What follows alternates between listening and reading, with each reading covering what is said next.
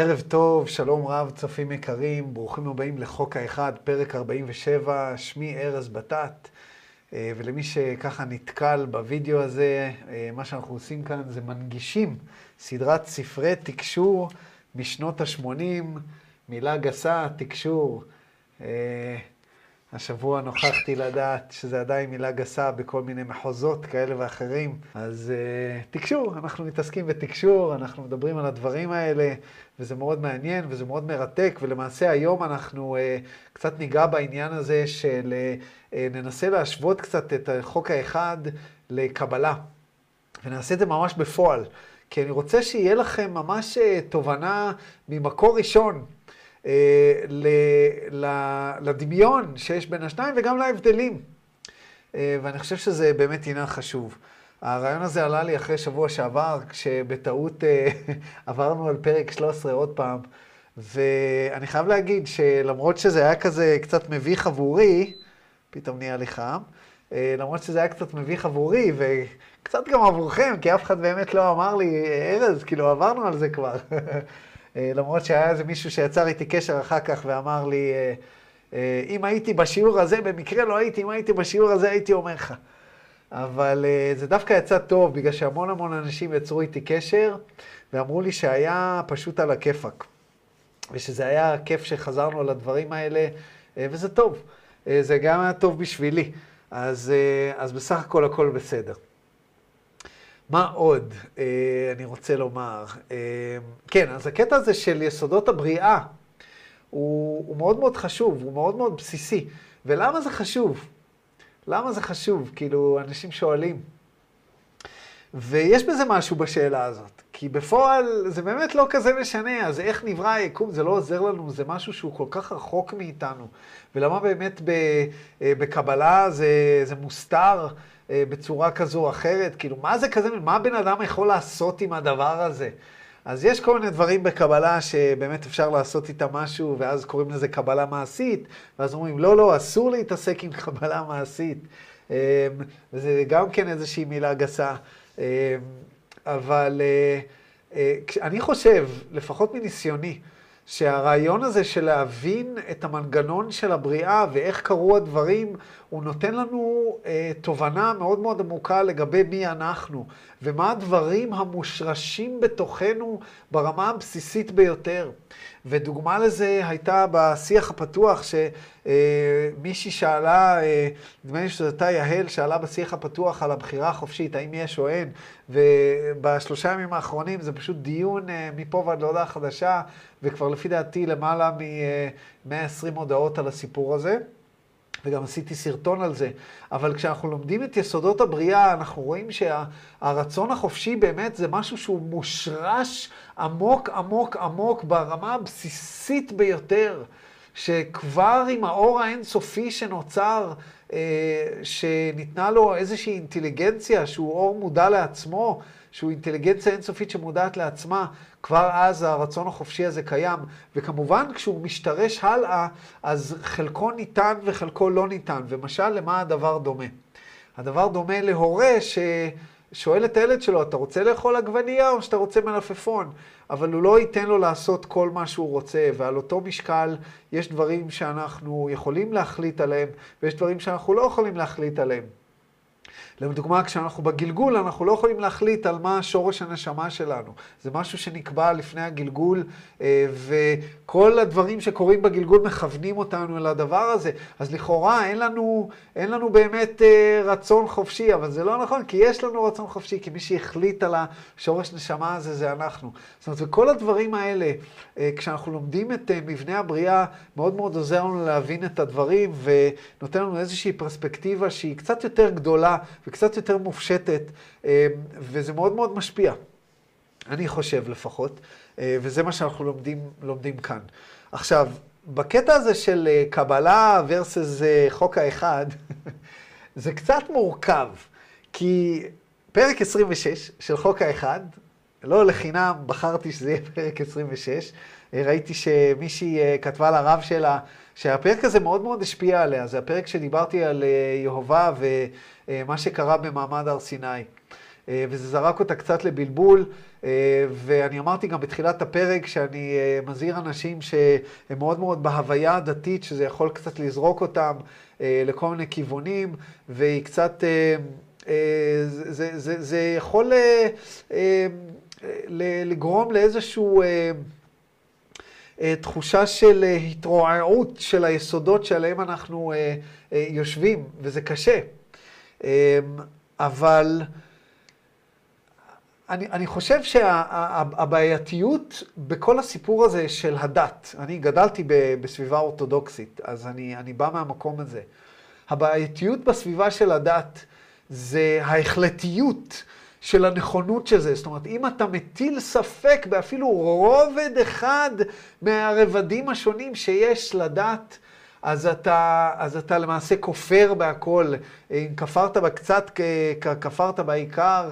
אה, אם, אה, זאת אומרת, זה, זה או הכל או לא כלום. ואם זה הכל, אז אתה צריך גם לקיים את המצוות, ואתה צריך גם פה ואתה צריך גם שם. ואנחנו כבר לא חיים בעידן הזה.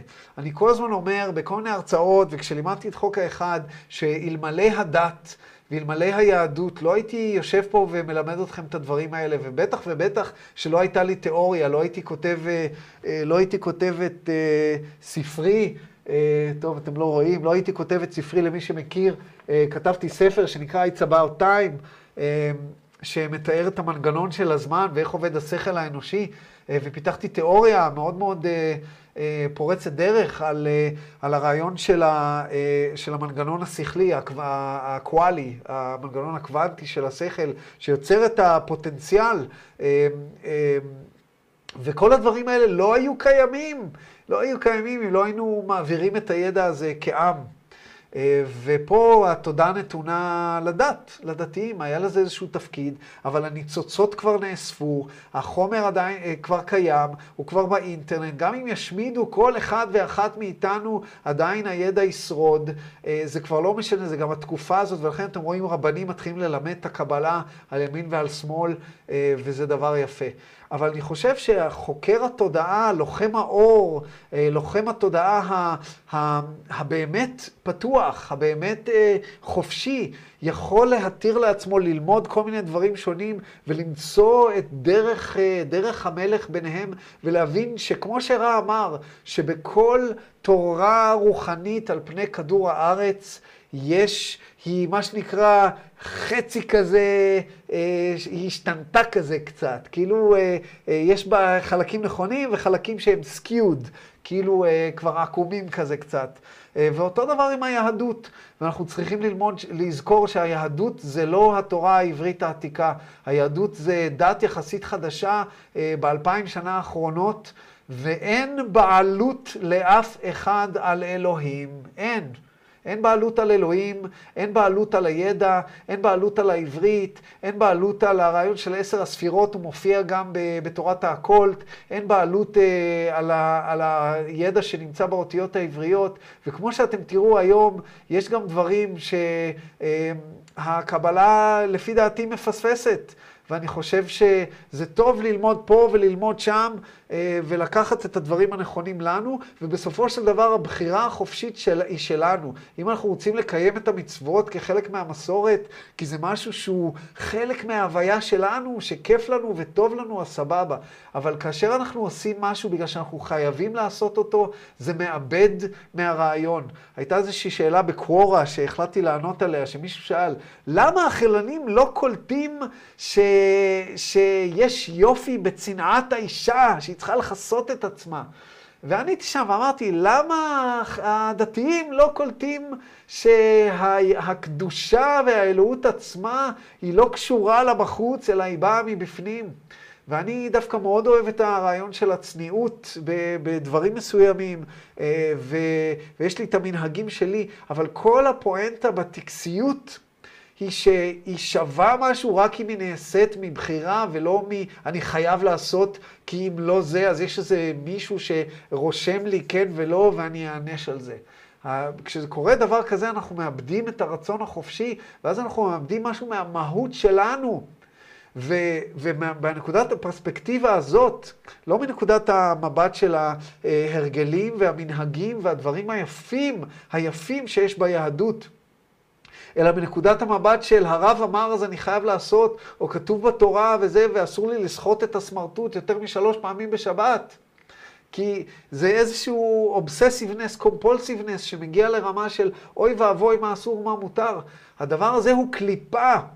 הדבר הזה הוא קליפה, ואני אגיד את זה בפניו של כל אדם שיבוא לדבר איתי שיח אמת. זה קליפה, זה עדיין קליפה, אם אתם עדיין אה, אה, שבויים תחת הדבר הזה, אה, אם זה בא ממקום שבא לכם, אז סבבה, אבל אם אתם עדיין שבויים בפחד הזה, בפחד הזה של מה חס ושלום יקרה, אם אני אעבור על, החוקים והמצוות, אתם עדיין תחת קליפה מסוימת, עדיין לא השתחררתם, עדיין לא מצאתם את האור מבפנים, עדיין לא הבנתם שאנוכי אדוני, שאתם היוצר, שכל החוקים האלה הם נעשו מסיבה מסוימת, ומבחינה היסטורית ומבחינה אה, אבולוציונית תודעתית ומבחינת הסיפור הם היו חייבים להיות, אבל uh, הגיע הזמן, uh, הגיע הזמן באמת להבין ש, שה, שהעיקר הוא בפנים, שהעיקר הוא אחר. ואנחנו באיזשהו מקום, אנחנו נמצאים במקום קצת יותר קשה, כי יש כל כך הרבה ידע ואנחנו צריכים לדעת מה לבחור ומה לעשות, וזה מאוד מאוד מאתגר. אז אה, בואו ננסה לצלול קצת פנימה אה, ותראו למה אני מתכוון. אז על מנת אה, לעשות את הדבר הזה, עשיתי איזשהו תרשים עבורכם, והתרשים הזה הוא למעשה סיכום של פרק 13, מה שלמדנו בפעם שעברה, ואני מתנצל אם יש לכם פלאפון וזה קצת קטן, אז אני אנסה, אני אנסה כאילו, אין לי פה דרך, אני לא חושב שיש לי ב... בואו נראה ב-OSB דרך לצייר על הדבר הזה, לא, אין לי. Tools? לא, חבל. אה, בסדר, צריך לכתוב להם שיעשו. אבל מה שלמדנו בשבוע שעבר זה ככה, למדנו שהכל יש נעתה במסתורין. פה למעלה כתובה, אני לא יודע אם אתם רואים את העכבר, אתם רואים את העכבר שלי זז? לא? לא רואים את העכבר שלי זז? אוקיי. אז פה למעלה כתוב מסתורין, שימו לב שיש חיצים צהובים שמזיזים את הדברים.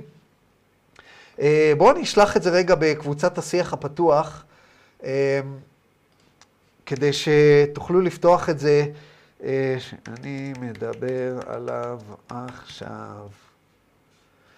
ואני אשים את זה, רגע, תנו לי שנייה.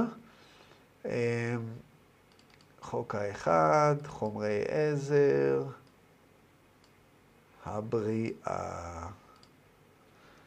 הבריאה על פי רע. אוקיי, שלחתי לכם את זה בוואטסאפ כדי שתוכלו אה, לפתוח את זה בצורה מקומית ולעשות זום אין, זום אאוט. אה, ועכשיו אני מרגיש אה, יותר אה, נוח לדבר על זה.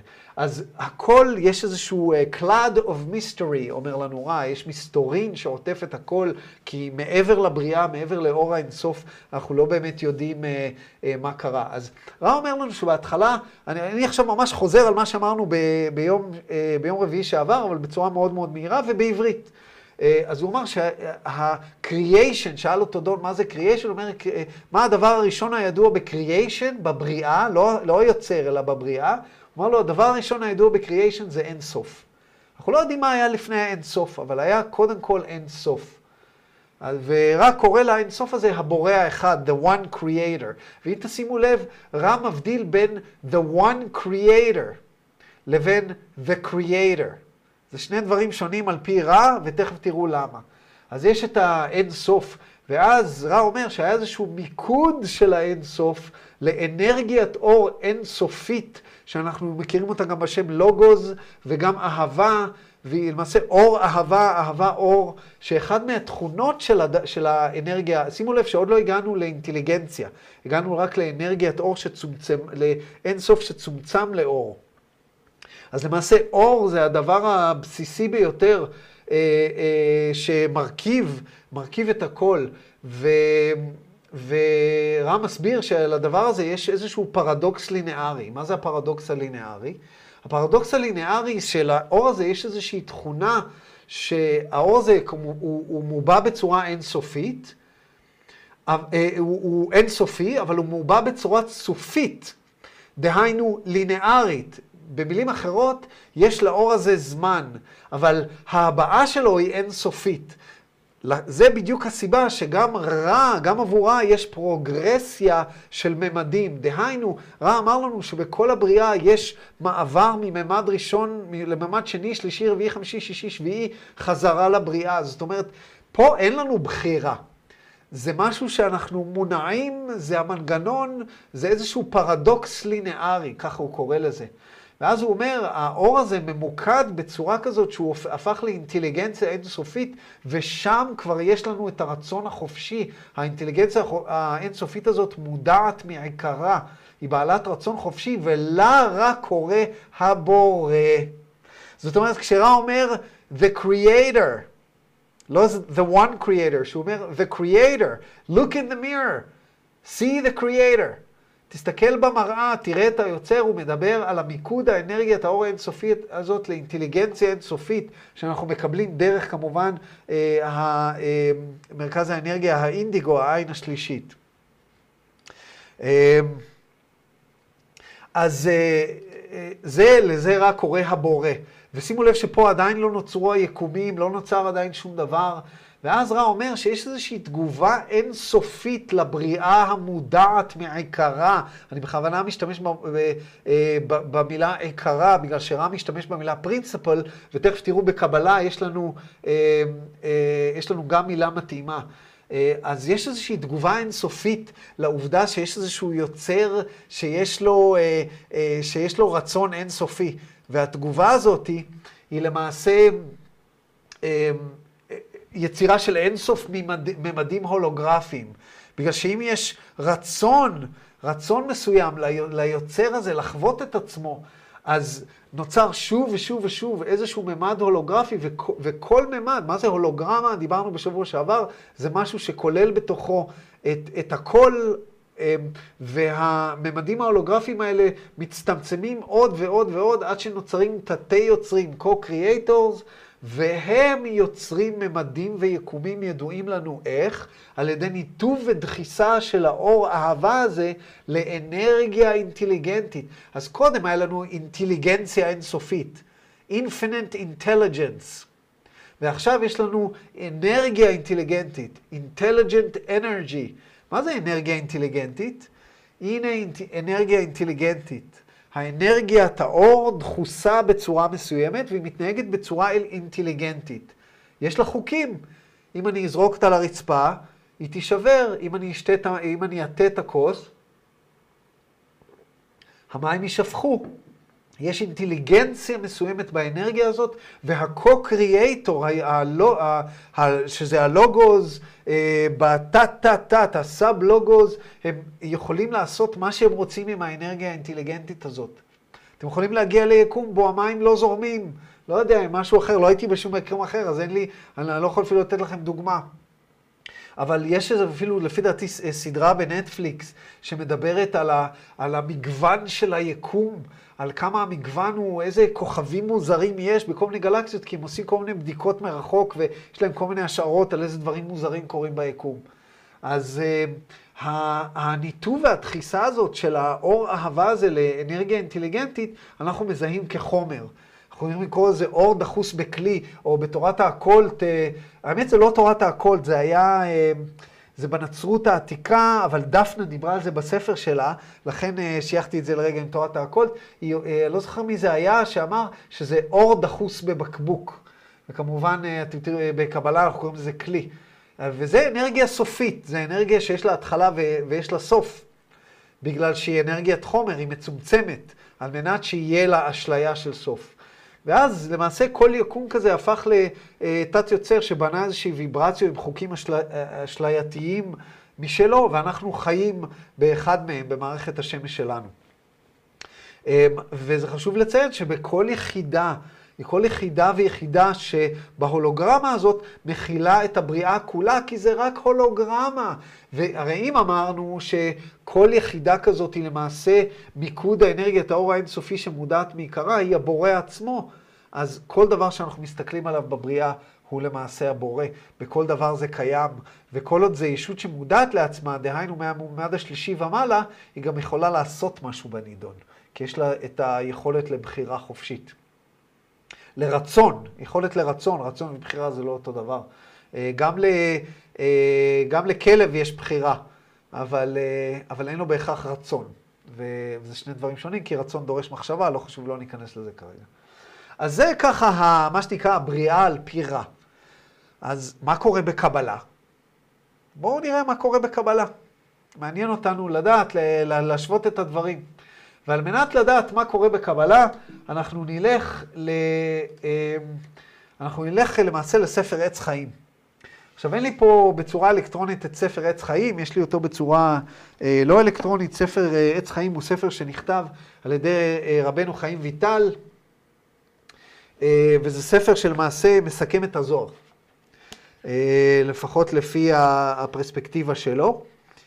אה, כי הזוהר, אם אתם תקראו את הזוהר, אתם תגלו שהזוהר הוא מאוד מאוד, הוא, הוא, הוא, הוא אוסף מאוד רנדומלי וכאוטי של מאמרים שרובם מיוחסים לרבי שמעון בר יוחאי, אבל אם אתם תקראו אותם בעיון, אתם תראו שהם, כאילו הסגנון הכתיבה הוא אחר, ובהרבה מקרים זה נראה כאילו כתבו עליו. יש כל מיני תיאוריות מי כתב את הדברים ומי גיבש, אבל זה, זה, זה באמת, זה, זה בלאגן אחד גדול. אז כל מיני אנשים ניסו לעשות סדר בדברים האלה, ורבנו חיים ויטל, אה, אה, רבי חיים ויטל עשה, כתב ספר שנקרא עץ חיים, לא עץ החיים, עץ חיים. ו... ו... והוא גם קשה קצת להבנה, אה, אבל אנחנו נקרא בו היום.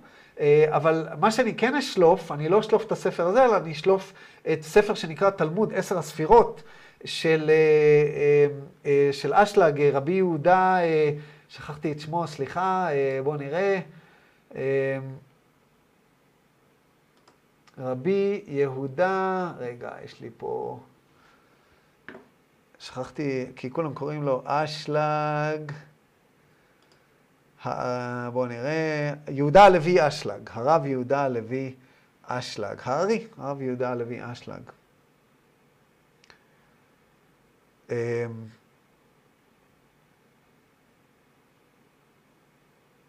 עכשיו התבלבלתי לגמרי. כן? בסדר. אוקיי, אז uh, כיוון ש, שבצורה דיגיטלית יש לי רק את, ה, את הספר של, uh, של אשלג, אנחנו נסתכל בו. אז תראו מה כתוב בפרק א'. רגע. טוב, שימו לב. חלק ראשון כתוב לפני הצמצום, אז בקבלה יש רעיון של צמצום. מוכר לכם המילה צמצום? איפה ראינו צמצום? ראינו צמצום בפרק 13 של חוק האחד, שהוא דיבר על פוקוס, שהיה פוקוס של האנרגיה האינסופית, נכון? אמרנו את זה ממש עכשיו, אמרנו, רגע, מתחרבש לי פה, אמרנו שהיה צמצום, איזשהו מיקוד, פוקוס של האינסוף לאנרגיית אור אינסופית. אז אותו דבר פה, יש לנו, מבאר עניין הצמצום, ביאור של עניין הצמצום בפרק אחד, וכתוב, דע כי טרם שנאצלו הנאצלים ונבראו הנבראים, היה אור עליון פשוט ממלא את כל המציאות, ולא היה שום מקום פנוי בבחינת... אה, אני מנסה להעביר את זה פה, וזה... זה לא המקום הנכון. לא היה שום עבור, אה, אה, אה, מקום פנוי מבחינת אוויר ריקני וחלל. זאת אומרת, לא היה חלל, לא היה מקום לברוא בו דברים פיזיים, אלא הכל היה ממולא מן אור אין סוף פשוט ההוא. ולא היה לו לא בחינת ראש ולא בחינת סוף. למה? כי זה אין סוף, ולאין סוף אין התחלה ואין סוף. אלא הכל היה אור אחד פשוט שווה בהשוואה אחת, והוא הנקרא אור אין סוף. אז בואו נראה איך זה מתאים לנו למה שאנחנו מכירים, זה כמובן מאוד מאוד מתאים. אז פה אנחנו כאילו מתחילים את הבריאה מאין סוף, אבל בקבלה אנחנו קצת כורכים יחדיו את שני הדברים. גם את האין סוף, שזה הבריאה, וגם את המיקוד לאור אין סוף. זאת אומרת, אמ, אומר, אומר לנו פה, הוא מסביר לנו פה במילים שלו, שלפני הצמצום של האור היה אין סוף. אבל הוא מדבר על זה כאור. עכשיו, למה? כי את, מבחינת הפרספקטיבה אמ, של... אה, של אה, רב חיים ויטל, הצמצום זה לא הצמצום הראשוני הזה שרב מדבר עליו, רב מדבר על כמה, צמצ... כמה דרגות של צמצומים, אלא כשהוא אומר הצמצום, הוא מתכוון צמצום שלאחר אור אין סוף. אצלנו האור אין סוף נמצא בשלב השני. על פי רע, באנרגיית האור האינסופית. אבל זה לא כזה משנה, זה עדיין אותו דבר, זאת אומרת, גם אם שני הצדדים כרוכים באותו אחד, זה עדיין אותו דבר. עכשיו, פה אנחנו יודעים שאין חומר, ו... כי, כי זה עדיין, זה רק, אינטליג... זה, זה רק אנרגיה מס... מסוימת, אנרגיית אור, והיא עדיין לא מוקדה אפילו לאינטליגנציה. אבל כשאנחנו מדברים על, uh, uh, בשפה של הקבלה, מנסים, בכלל, כיוון שלא היה את המילים להסביר את הדבר הזה, זה קצת קשה להסביר, אבל מנסים להסביר את הדברים במושגים שהקורא יבין. אז הוא אומר, תשמע, האור אינסוף הזה, אין שם חלל. זה לא שזה היה אור באיזשהו חלל שניתן שיהיה שם משהו, שהיה איזשהו, איזשהו אוויר ריקני. אפילו זה לא היה כמו אה, בחלל, שבחלל הרי אין אוויר, יש רק ריק. הוא אומר, לא היה מרחב, לא היה בכלל מרחב, אלא הכל היה אור אינסופי, אור פשוט. כשהוא אומר את המילה פשוט, כמובן, הכוונה פה היא, זה משהו מופשט, זה משהו שהוא לא מוחשי, זה משהו שהוא לא חומר. וזה אור אינסוף. בואו נראה איך הוא uh, ממשיך. הוא אומר לנו ש... וכאשר עלה ברצונו הפשוט, המופשט, לברוא העולמות ולהציל הנאצלים, להוציא לאור שלמות פעילותיו ושמותיו וכינוייו, אשר זאת היה סיבת בריאת העולמות. פה הוא אומר לנו שהסיבה זה גם קצת מופשט, אה, זה איזשהו רצון מופשט של הבורא להוציא אל האור הזה את השלמות, את השלמות שלו, את כל הפעולות שלו, את השמות שלו, את הכינויים שלו. רע אומר לנו, מה רע אמר לנו? רע אמר לנו שהיוצר רצה לחוות את עצמו, שזה אותו דבר במילים טיפה שונות, כן? לחוות את עצמו. אתה חווה את עצמך על ידי שמות שונים, על ידי כינויים שונים, על ידי פעולות שונות, וזה בעצם מה שנאמר לנו פה. בואו נמשיך, פשוט. ואז, הנה אז, האור האינסופי הזה צמצם את עצמו בנקודה האמצעית, אה, ופה צריך לדלג על הפירוש אה, אה, של אשלג, צמצם את עצמו בנקודה האמצעית באמצע ממש, וצמצם האור ההוא ונתרחק אל צדדי סביבות הנקודה האמצעית. ואז נשאר מקום פנוי. וזה, תמיד כשאני קורא את זה, זה, זה, זה משעשע אותי, ואני אסביר למה. המקובלים ניסו להסביר בשפה שבן אדם יכול להבין, איך יכול להיות שפתאום נוצר חלל שיהיה אפשר לברוא בו עולמות. אז מה שאומרים, אומרים דבר כזה, היה פה איזושהי פעולה של צמצום. האור צומצם לאיזושהי נקודה שהיא מחוברת באיזשהו קו לאור האינסוף. דרך הקו הזה האור נאצל אל הנקודה הזאת, אבל בין הנקודה, וזה כמו כדור, בין הנקודה, תחשבו על כאילו יש לכם איזשהו... אה, אה, אה, איזשהו חלקיק, אה, חלקיק, אה, חלקיק של, בוא נניח אבק, בתוך בלון, ואתם מנפחים בלון. עכשיו בוא נניח שזה לא בלון רגיל, זה בלון שיש בו ריק. והחלקיק הזה נמצא בתוך הבלון בדיוק בדיוק בדיוק באמצע, וזה לא בלון רגיל, זה גם בלון שהוא עגול אה, בצורה ספירלית אה, מושלמת, אוקיי?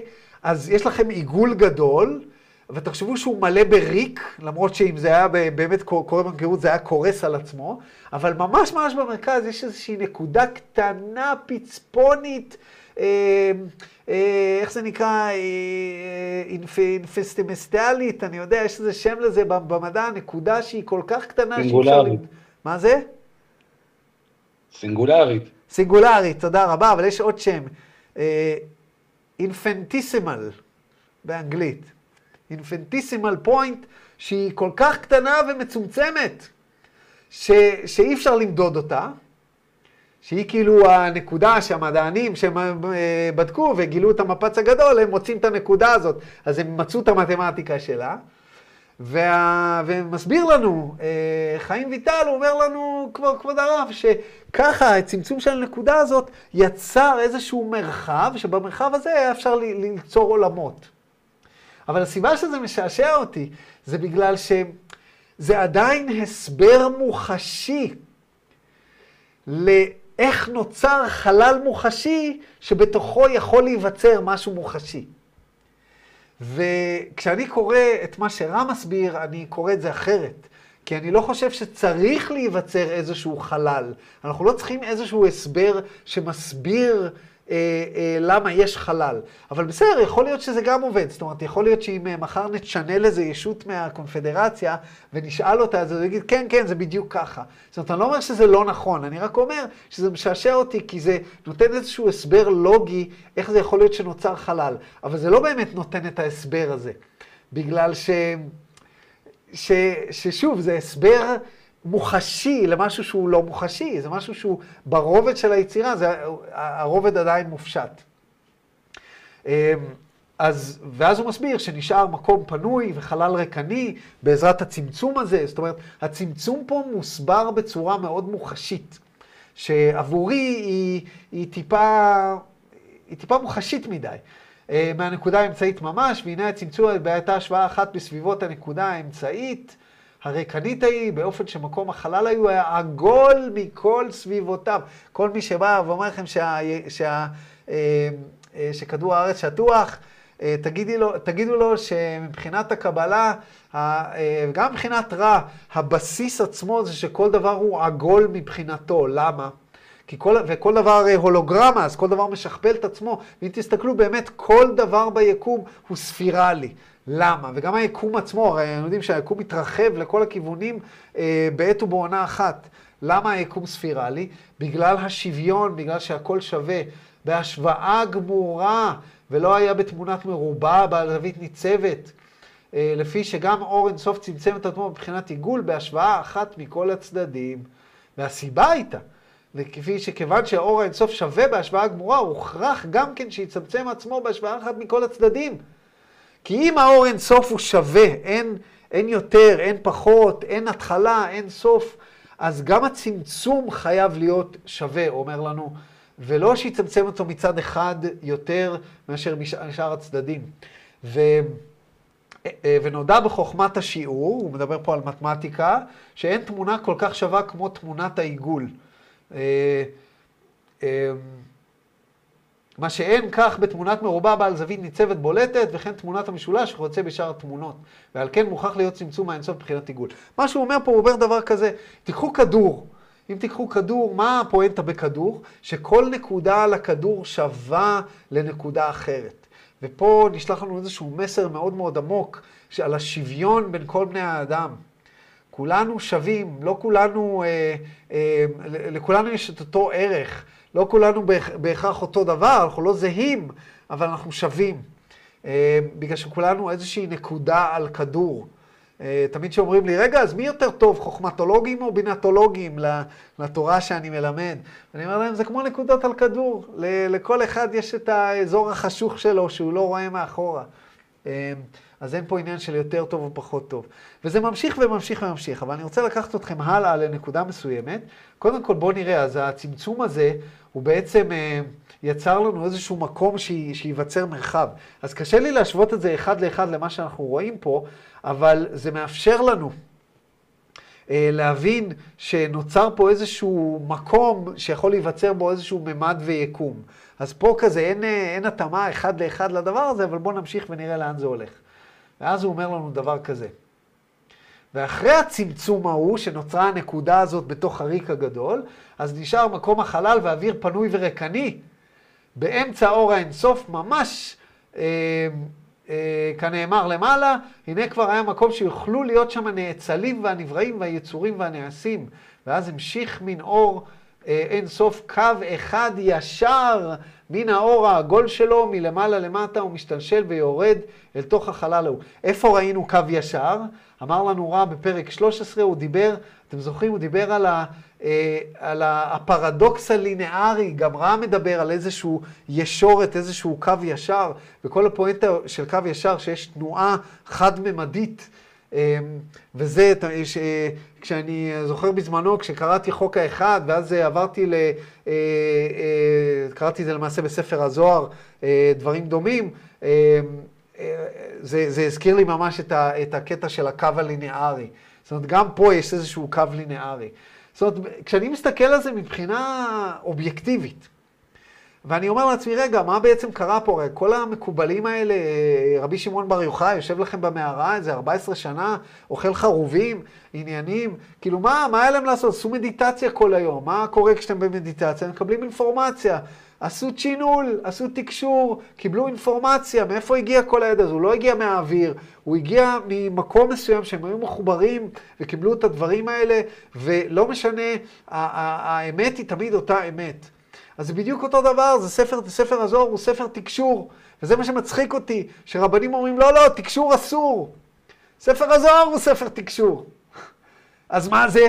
אז מאיפה זה יתקבל? אז תקשור ממי? אה, לא, לא, לא, זה הגיע ישירות מה... לא יודע מה. מה... תכף נראה מה חסר, מה חסר שם בפאזל הזה. בואו נמשיך ונסתכל.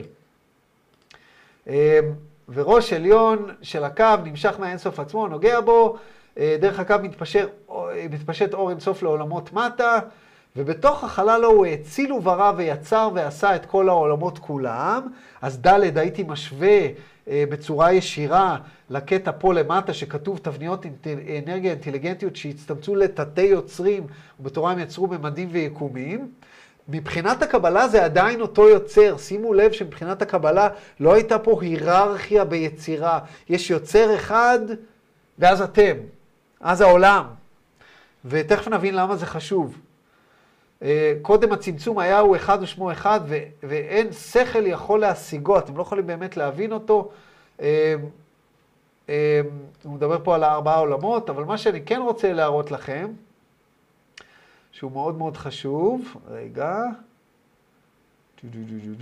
אני אקפוץ. לפרק ב', הנה.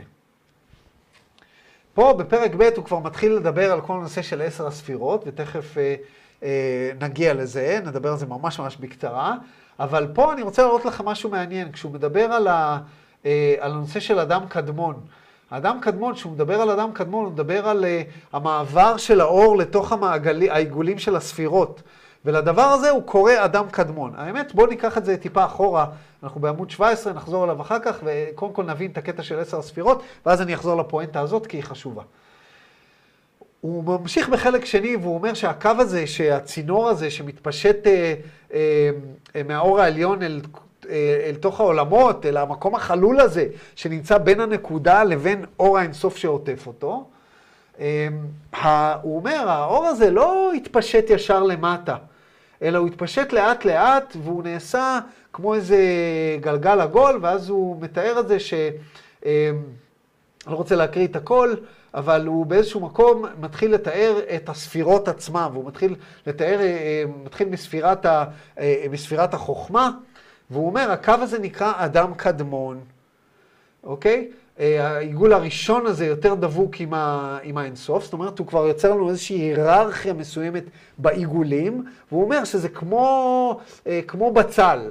העיגול הגדול ביותר קרוב יותר לאור האינסוף, העיגול הפנימי יותר רחוק יותר מאור האינסוף, העיגול הקטן יותר, הקטן יותר, הקטן יותר, עד שאתה מגיע לעיגול הקטן ביותר, שהוא למעשה אה, העולם הנמוך ביותר. בואו נסתכל רגע על עץ החיים, למי שלא זוכר איך הוא נראה. אתם רואים פה את כל ה... יש את הכתר, שזה עולם האצילות. עולם האצילות, זוכרים מה היה כתוב שם אה, בעץ חיים? אה, הנאצלים, האור שמגיע מלמעלה. כתר, מגיע מלמעלה, ואז יש את חוכמה, שהיא למעשה הספירה הראשונה, וזה ממשיך, ממשיך, ממשיך, ויורד למלכות. מלכות היא הספירה, היא עולם העשייה, זה העולם, זה שנקרא העולם הכי גרוע, הם קוראים לזה בספר עץ חיים. העולם הכי גרוע, כי הוא העולם שהוא הכי פיזי, ככל שאתה יותר למטה זה יותר גרוע, יותר חומר. עכשיו, למה זה חשוב הסיפור הזה? כי עץ החיים ככה מתואר, מתואר שהתבנית הזאת של עץ החיים נקראת אדם קדמון. ושימו לב מה כתוב פה, אז, אז מתואר לנו פה עשר הספירות. עכשיו, לפני שנגיע לאדם קדמון, האמת לא, אני קודם אגיד על אדם קדמון, ואז אני אגיד משהו על עשר הספירות. אז לפני, אמ, נחזור רגע לעמוד 17 בפרק ב', ותראו מה כתוב שם, משהו מעניין. וכתוב שם, שאדם קדמון נמשך מאין סוף עד סוף האצילות, ובו נכללים כל העולמות. אוקיי? Okay? ואין לנו רשות לעסוק בו. Okay. אוקיי? והנה האדם קדמון הזה מבריח מן הקצה לקצה, מן הקצה עליון לקצה תחתון, בכל חלל האצילות הנ"ל, ובזה האדם נכללים כל העולמות, אה, כמו ש... אה, כמו שנאמר ב... לא זוכר, אם מישהו זוכר יגיד לי, אבל מבחינת פנימית ועצמותו, רגע, רגע, ב...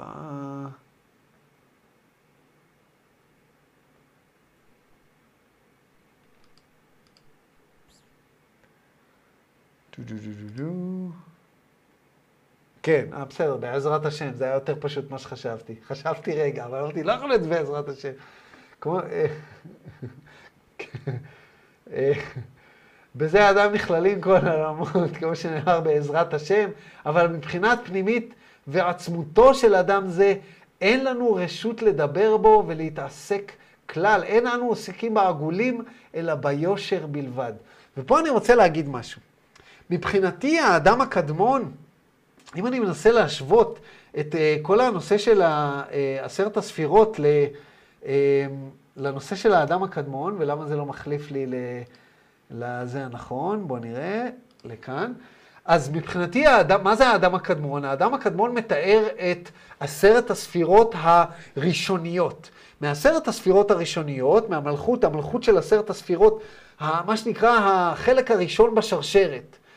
המלכות שלו זה הכתר של עץ החיים הבא. בואו נסתכל על עץ החיים עוד פעם. כמו שאתם רואים, זה שרשרת. אז המלכות פה למטה היא למעשה הכתר של החלק הבא בשרשרת. ואז החלק הבא בשרשרת, והחלק הבא, זאת אומרת, כל פעם המלכות היא הכתר של העולם הבא. זה בדיוק כמו שהורים באים יחדיו ומביאים ילד לעולם. אז הרי עץ החיים מתאר תבניות אה, מופשטות ומטאפיזיות. בן אדם, אה, יכול, אפשר לתאר אותו על ידי עץ החיים, ואפשר לתאר את אשתו על ידי עץ החיים, ואפשר לתאר את הנישואים שלהם על ידי עץ החיים. והנישואים שלהם, הזיווג שלהם ביחד יוצר ילד. הילד, הזיווג שלהם יוצר מלכות, המלכות הזאת היא הכתר שהיא עץ החיים של הילד.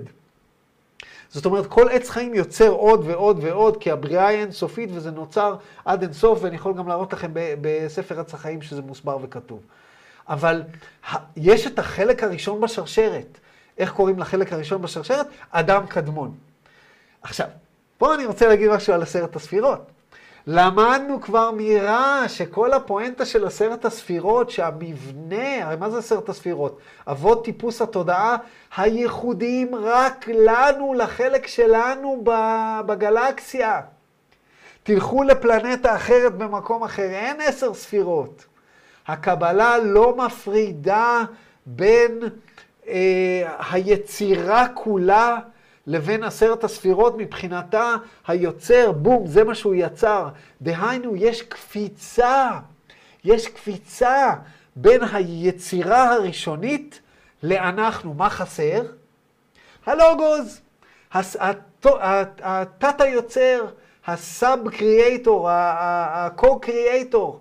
מי זה הקו-קריאטור אה, בתבנית שלנו? זה תבניות האנרגיה האינטליגנטיות שהצטמצו לתתי יוצרים, ובתורם יצרו ממדים ויקומים. ופה זה, זה, זה כאילו הדילוג של הקבלה, וה, והסיבה שיש דילוג, כי אנחנו לא רשאים להתעסק בזה. איך נוצר האדם הקדמון הזה? מה, מי יצר את האדם הקדמון הזה? זה לא היוצר האינסופי יצר אותו, זה תת היוצר. זה היוצר הספציפי בחלק שלנו, של הגלקסיה. וברגע שאנחנו מבינים את זה, אז אנחנו מבינים את, ה, את הקפיצה התודעתית. ואז אנחנו מבינים את הקושי, את הקושי לבוא ולהגיד, אתה היוצר, אתה היוצר, אתה היוצר. בגלל שאין תתי יוצרים.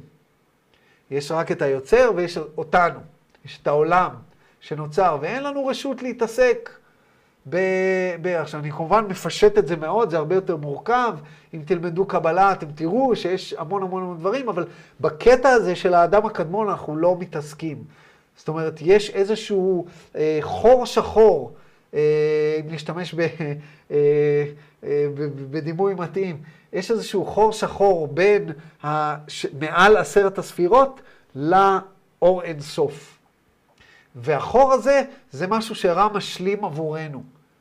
והחור הזה, אם אנחנו אה, אה, מסתכלים על תקשורים, אז החור הזה, אה, אה, עכשיו זה עבד. אז החור הזה, זה, זה מתחיל להיות מושלם, אז לא פלא שרבנים יגידו לכם לא תקשורים. למה? כי זה מתחיל להכניס לנו אינפורמציה שלכאורה סותרת את הקבלה, שמתחילה לדבר על אה, עשר ספירות וכל מיני דברים כאלה. תשאלו את בשאר על עשרת הספירות, הוא יגיד לכם, לא, העולם זה תשעה ממדים. למה בשאר אה, מתאר את העולם ב, אה, שיש תשע ממדים של הבריאה אצלהם? אבות טיפוס התודעה שלהם שונים מאיתנו, והם מספרים לנו את זה כאילו זה גם אנחנו. יש איזשהו חוסר תובנה גם אצלהם, זה, זה גם איזושהי ישות שיש לה ידע מוגבל. זה שאנחנו מתקשרים אותה, זה לא אומר, ויש להם טכנולוגיות שלנו אין, טכנולוגיות תקשור שלנו אין, זה לא אומר שהם, שהם חכמים מאיתנו. זה אומר שהם חכמים מאיתנו בתחום מסוים, אבל לא בתחום אחר. יכול להיות שמבחינה אינטליגנטית רגשית, לנו יש יותר חוכמה ותבונה. זאת אומרת, אנשים, אה, ברגע שהם שומעים שזה תקשור, אז זהו, אז זה, זה, זה, זה חייב להיות אמיתי ונכון. ולכן אני אוהב את התקשור של רע, כי מבחינתי, אם אנחנו מדברים על, ה, על היקום כולו כשבעה ממדי דחיסות, אני עד היום לא פגשתי שום תקשור מממד הדחיסות השישי, מממד הצפיפות השישי. ורע משלים את החסר הזה. עכשיו, זה לא אומר שלא טוב ללמוד קבלה. יש המון המון דברים נהדרים בקבלה. ולמעשה אני חושב שזה נהדר, אם זה מושך אתכם, אני מאוד מאוד ממליץ. ויותר מזה, אני אמליץ, אה, אני אמליץ לכם על מישהו, אם מישהו רוצה ללמוד, אה, הייתי ממליץ על הרב אריק נווה. אני לא חושב שהוא היה עושה בדיוק את אותה המלצה הפוך. למעשה אני משוכנע שלא, ויש לי אפילו סיבות לדעת שלא. אבל עדיין, אני ממליץ לכם, הוא ממש התחיל להנגיש את הדברים האלה לאחרונה, ואומנם אני לא צופה, לא, לא, לא צפיתי בכל, אבל אני פשוט אוהב את הסגנון הדיבור שלו, הגיונו מופשט, הוא עושה את זה בצורה מאוד מאוד איטית, מאוד מסודרת, וליבו במקום הנכון, הוא איש שלום. אה, אז אני מאוד מאוד אה, אה, מחבב אותו, למרות שהוא, שהוא לא מכיר אותי, ואני בטוח שהוא הרבה פעמים מדבר על הקשקשנים ביוטיוב, שאומרים כל, כל מיני דברים לא טובים ומבלבלים אנשים, ואני בטוח, ש, בטוח שהוא לא מכיר אותי, אבל אני בטוח שאני נופל בקטגוריה הזאת. וזה בסדר, אבל אתם מספיק חכמים כדי לעשות את, ה, את ההפרדה. ללמוד את הדברים שאתם רוצים ללמוד, לעשות את התובנות שלכם מהדברים שעושים לכם היגיון, ו- ולהשלים את החסר ממקומות אחרים. וזה בסדר, זה בסדר. אה, אז אה, רק נגיעה קטנה, זה מה שרציתי לעשות, לא רציתי, אה, אני לא רוצה פה להתחיל ללמד קבלה, זה לא במקומי, אני גם לא מומחה לזה, הידע שלי הוא יחסית די בסיסי, אבל הוא, הוא זה, זוהי גישתי, זוהי גישתי וזה, וזוהי אמרתי. אנחנו נעצ... אה, נעצור רגע פה ונבדוק אם יש שאלות, ואז נמשיך לסשן מספר 14. אה, שואלת שירי, אז אם הכל אחד, אז גם הלוגוס הוא חלק מהאחד. כן, כשאנחנו מסתכלים מה... מנקודת המבט של הנון-דואליות, וזו נקודה מאוד מאוד חשובה, אז בואו נתמקד עליה. כל פעם שאתם אה, שומעים איזשהו תקשור ואיזושהי תיאוריה ואיזשהו משהו, אתם מבינים ששאלו מאיזה נקודת מבט מדברים. אם אנחנו מדברים מנקודת המבט של הנון-דואליות, מנקודת המבט של איך נברא היקום והאנרגיה האינסופית, אז לא רק שאין לוגוז והכל אחד, ואין אני ואין אתה, כי כולנו אחד, אלא גם אין גלגולים ואין קרמה, אבל אנחנו לא יכולים להישאר ברמה הזאת, כי זה לא רמה שאנחנו יכולים לעבוד איתה. זה לא רמה שאנחנו יכולים, מעבר לתובנה הבסיסית שאנחנו חלק מהאחד, אין לנו שום דבר מה לעשות עם זה. אנחנו, בסדר, אז חשנו בזה. בוא נניח שעשינו מדיטציה והייתה לנו, וואו, חוויתי את האחד עם כולם. אה, ויש אנשים שחוו את זה ויש אנשים שלא חוו את זה. הרבה אנשים חווים את זה אה, בחומרים משני תודעה, וזה בסדר. זה גם דרך לחוות ולהיפתח. המון אנשים נפתחים לדבר הזה.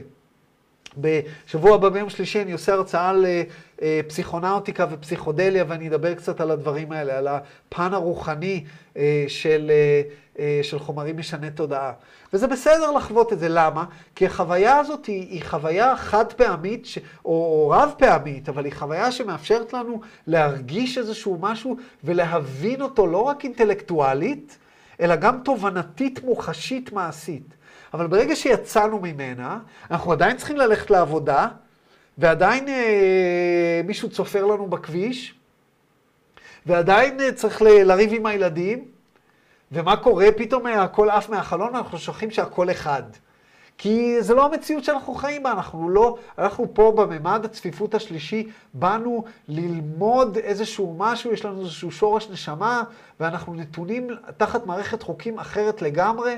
תחת מערכת חוקי הטבע שהלוגוס שלנו בראו, תחת מערכת חוקי אה, פיזיקה מסוימים, תחת מערכת אבות טיפוס תודעתיים שיוצרים את המנגנון הרגשי שלנו, את המנגנון השכלי שלנו, את המנגנון המיני הפעולתי שלנו, ואנחנו נתונים תחת הדבר הזה, בקטע הזה אין לנו בחירה.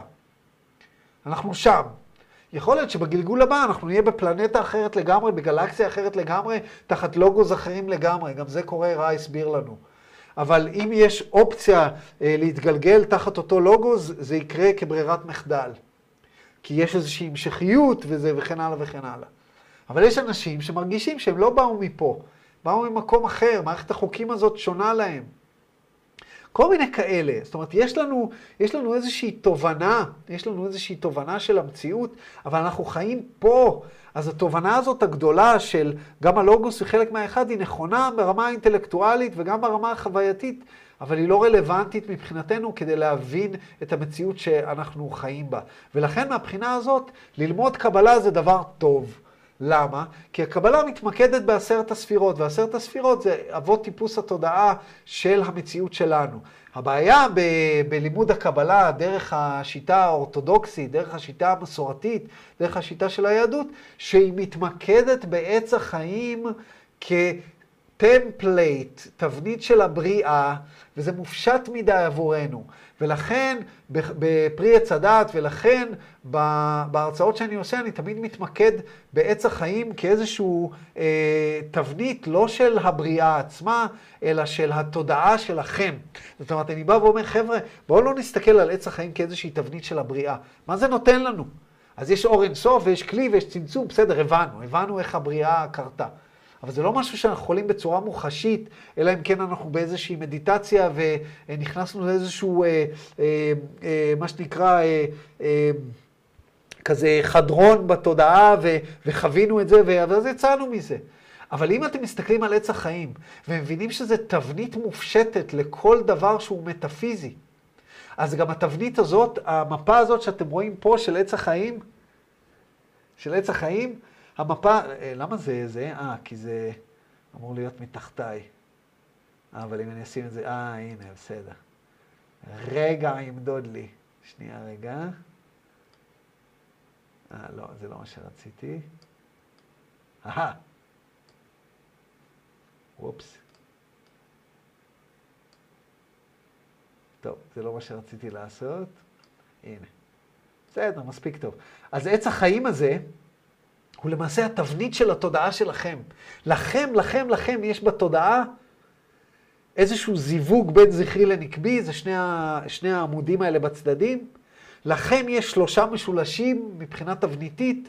חוכמה, בינה, דעת זה המבנה של השכל שלכם, חסד, גבורה, תפארת זה המבנה הרגשי שלכם, נצח, עוד יסוד זה אה, מבנה מערכת ההחלטות אה, הפיזית שלכם, למעשה האנרגיה המינית שלכם, ומלכות זה ככה החיים שלכם נראים. אז אם משהו בחיים שלכם לא מתפקד, אחד מצינורות השפע האלה חסומים. וזה מה שחשוב, זה מה שחשוב להבין. פה אנחנו מגיעים לתכלס, אוקיי? אז מה שאני רוצה שתיקחו מה... מכל הסיפור הזה, זה שיש תאימות בין הקבלה למה שאנחנו לומדים פה בחוק האחד, אבל פה בחוק האחד יש איזשהו פירוט שנותן לנו פרספקטיבה גם על מה שקרה מעל לאלוהות הקרובה אלינו. בינה לבין היוצר האחד האינסופי, ושם יש מגוון יצירה רחב מאוד, והוא מאוד מאוד משמעותי. הוא מאוד מאוד משמעותי ו... ויפה. אה, ותיקחו את זה משם. אני, אה, אוקיי, אז שאלות. בעל הסולם, כן, אה, חן מזכירה לנו שהרב אשלג זה, זה בעל הסולם. אז תמיד אומרים שבעל הסולם, תדעו שמדובר על הספר העיקרי, הוא כתב המון המון המון ספרים, אבל הספר העיקרי שלו זה תלמוד עשר הספירות. יש לי אותו רק אלקטרונית. למעשה הזמנתי אותו השבוע, תמיד רציתי שיהיה לי אותו פיזית, אבל כל הספרים האלה שאתם רואים פה, כמעט כולם, בלי יוצא מן הכלל, הבאתי איתי מארצות הברית. ואת תלמוד עשר הספירות אף פעם לא קניתי, אז רכשתי אותו השבוע, ואני סוף סוף יהיה לי אותו ככה בספרייה. אמ, טוב, שאלות.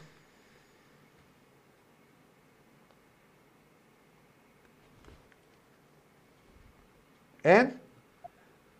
זה או סימן ממש טוב או סימן ממש רע. יש לי כמה אה, אה, הערות, לא שאלה, כאילו לא הערות, כאילו סתם משהו שהתקשר לי, קפץ לי. אה, לא הערות, הערות. תעיר אותנו, ולאד. יפה, כן.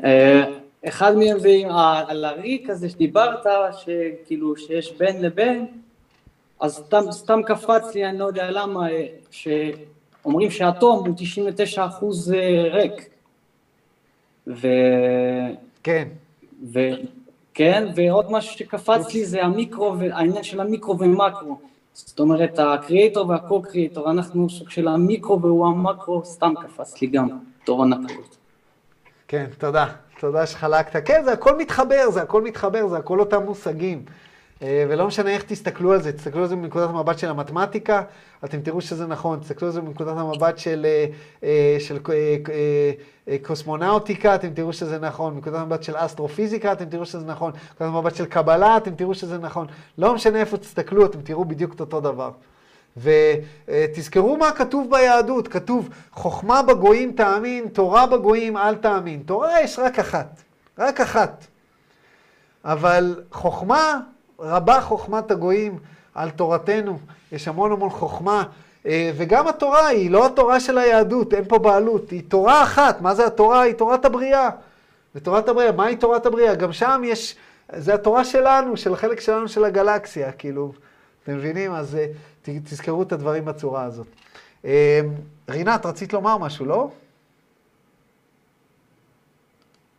זה לא היה לומר, זה היה בבקשה, אתה מדבר הרבה על אה, צינורות השפע.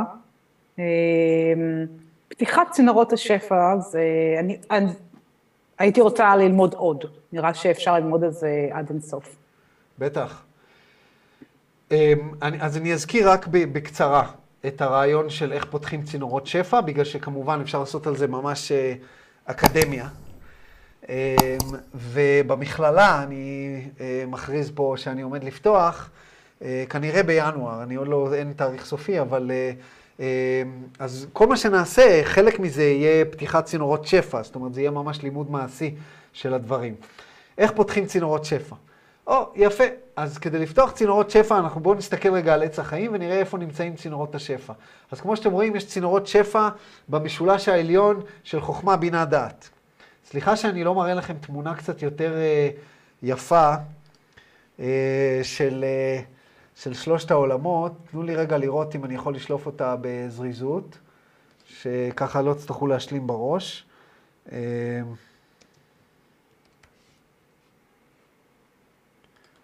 בואו נראה מה יש לי פה, אוריג'ינל, כל התמונות האלה זה תמונות שאני יצרתי, הן אה, מקוריות. אמ, הנה, הנה, הנה, הנה, הנה, איזה יופי.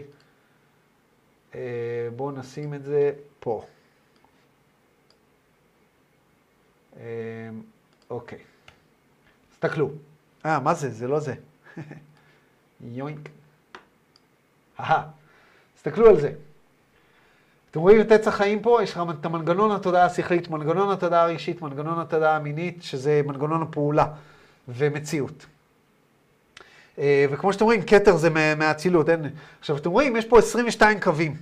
עכשיו, יש, אמרתי, יש כמה גרסאות לעץ החיים, אה, אני בוחר בגרסה הזו, אה, מבחינת הגיאומטריה, הציור, אני בוחר תמיד בזה, כי הוא הכי שעושה גם. כמו שאתם רואים, יש 22 צינורות. עכשיו, הצינורות השפע האלה, במזרח הם נקראים נאדיז, והם מספרים אותם ב-70 אלף, אבל הם מתנקזים לאידה ופינגלה.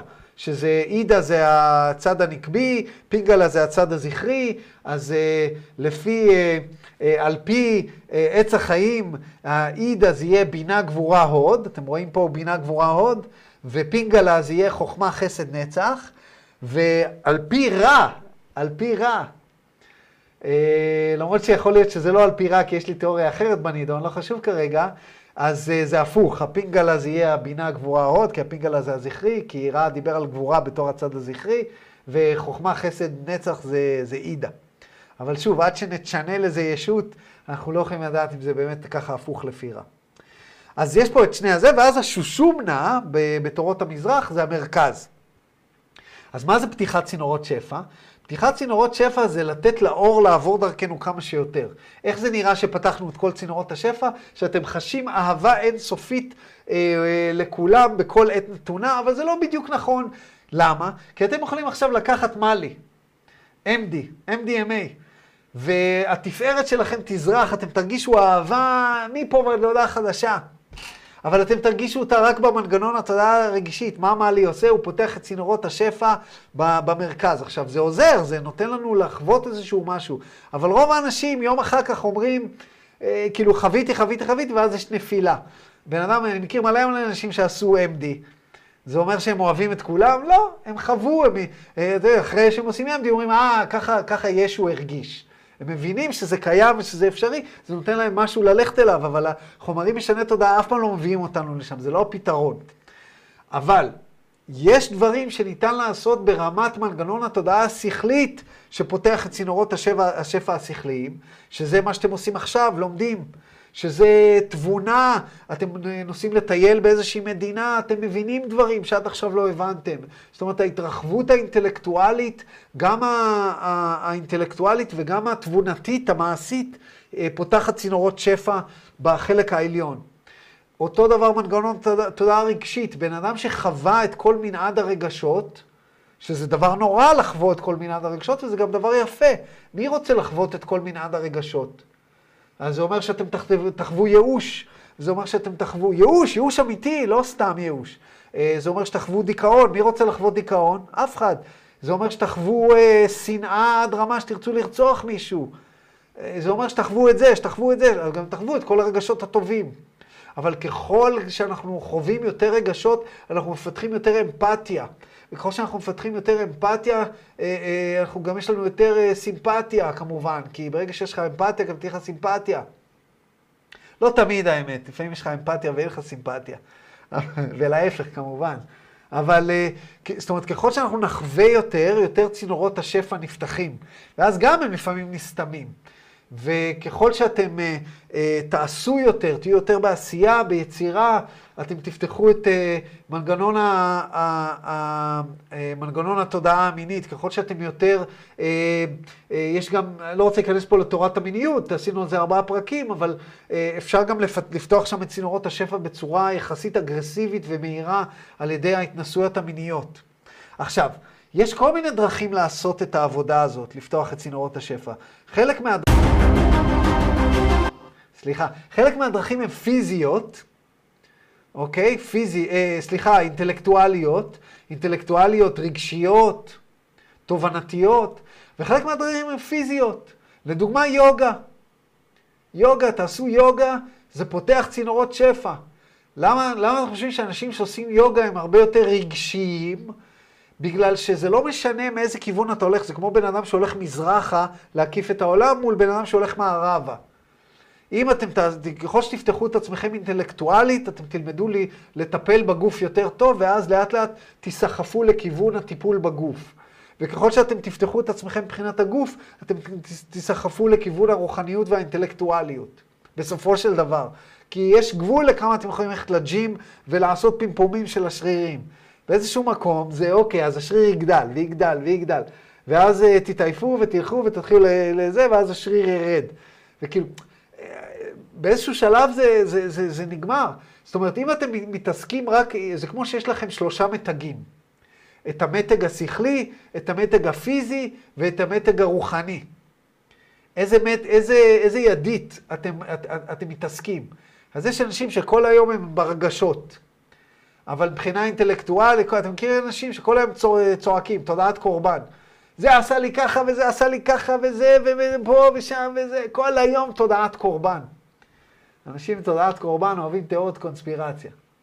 קורבן! עשו לי, שתו לי, אכלו לי, בזזו לי.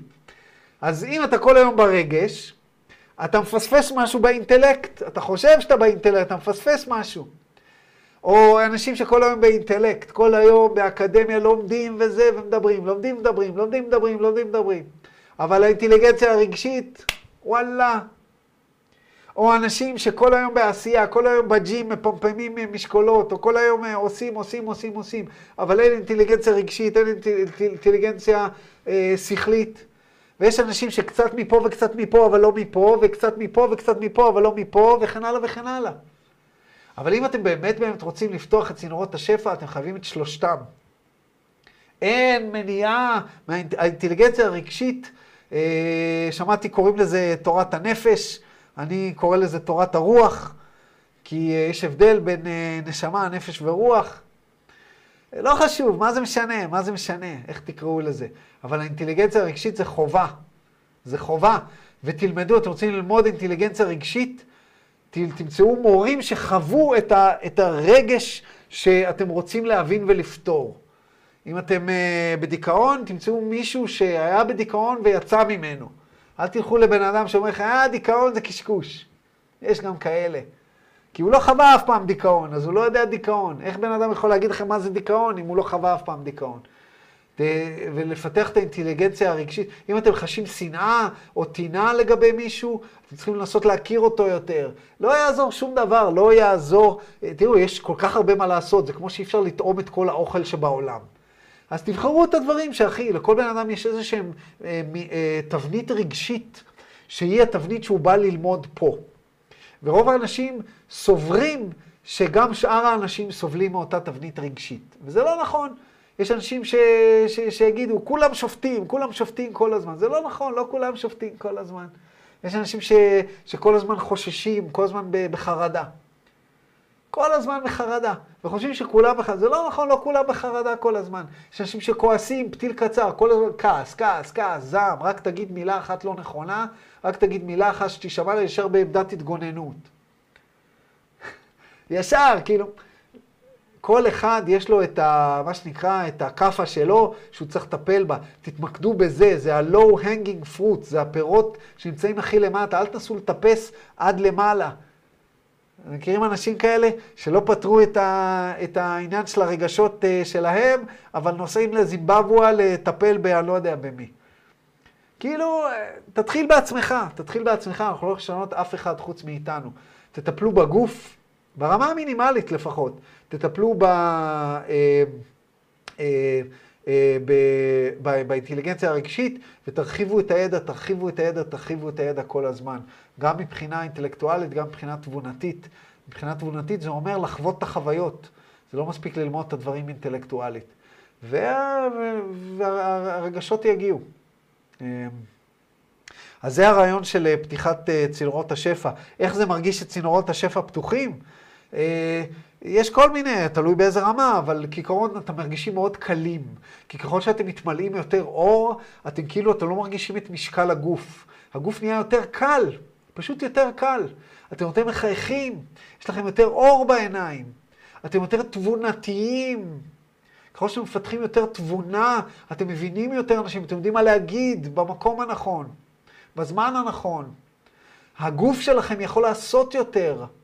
הוא יכול לשאת יותר, הוא נראה גם, גם נהיה יותר רגיש. ככל שצינורות השפע פתוחים יותר, עובר יותר אור, זאת אומרת, אתם נהיים יותר רגישים לכימיקלים שהם לא טובים לכם. אז איך זה מרגיש? זה, זה, זה כמו להגיד איך מרגיש להיות מבוגר. מבוגר יותר ממי? אם אתה בן שמונה, אתה יותר מבוגר מילד בן חמש. אז אותו דבר פה, הפתיחה של צינורות השפע מאפשרת ליותר אור לעבור דרכנו. בן אדם שצינורות השפע שלו פתוחים יוצר יותר. אם אתם תקועים, אין לכם יצירה, אתם אה, אה, אה, פרוקוסטינטור, זה דחיינים, אה, או שאתם לא מצליחים ליצור. אז זה, זה משהו חסום, משהו חסום. יכול להיות שכל צינורות השפע פתוחים, ורק אחד סתום. אבל הצינור השפע הסתום הזה הורס לכם את החיים. כאילו, לא סביר שכל צינורות השפע, גם באיזה רמה הם פתוחים. זה כמו, קצת כמו, לכל אחד יש טיפה כולסטרול בדם. ויש כאלה שזה חסום, כאילו. אז לכולנו יש צינורות שפע חסומים, וגם יש מחלוקת בקרב הרבנים וכל הקבליסטים, איזה אותיות. הרי תשימו לב שיש פה 12 אה, קווים אה, כחולים, ושבע קווים אה, צהובים, ושלוש קווים אדומים. שלושת הקווים האדומים זה האות א', אה, ש' ומ', אותיות אמש, זה אה, אותיות האם. אה, שבע הקווים המאונחים זה האותיות, האותיות הכפולות, בגד כפרת. ו-12 האותיות, 12 הקווים המחוסנים זה האותיות הפשוטות, כל השאר. וכל אות מסמלת משהו, מסמלת איזשהו צינור שפע. אז תלכו לפרי עץ הדעת, תלמדו כל אות ואות, ולפי זה תשאלו את עצמכם, אה, מה, איפה אתם תקועים בחיים, אתם תדעו איזה צינור שפע חסום לכם. עכשיו, באים הרבנים ואומרים, זה אומר, אה, אף אחד לא חולק ש, שהאות א' זה הקו האדום העליון, האות אה, ש' זה ה...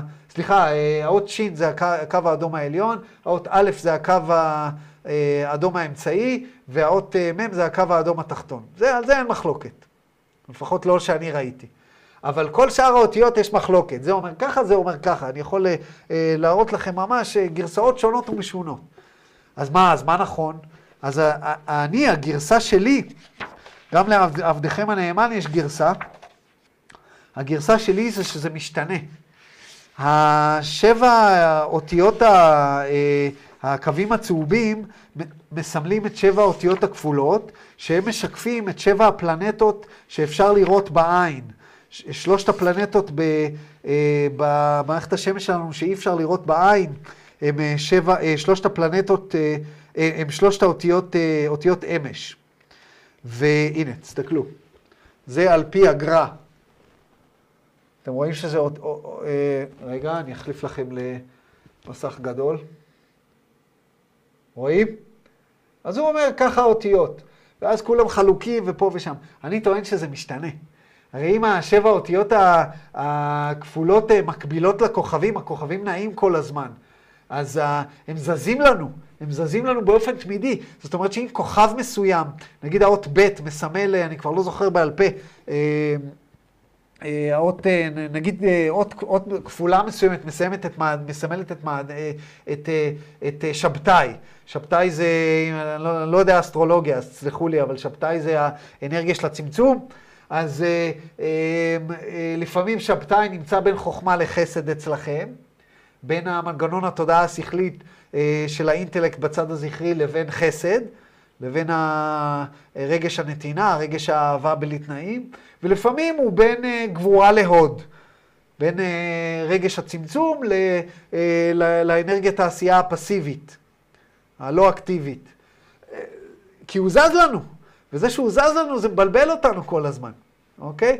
ואותו דבר עם האותיות, האותיות הכחולות, 12 האותיות האלה, לפי דעתי זה מולד.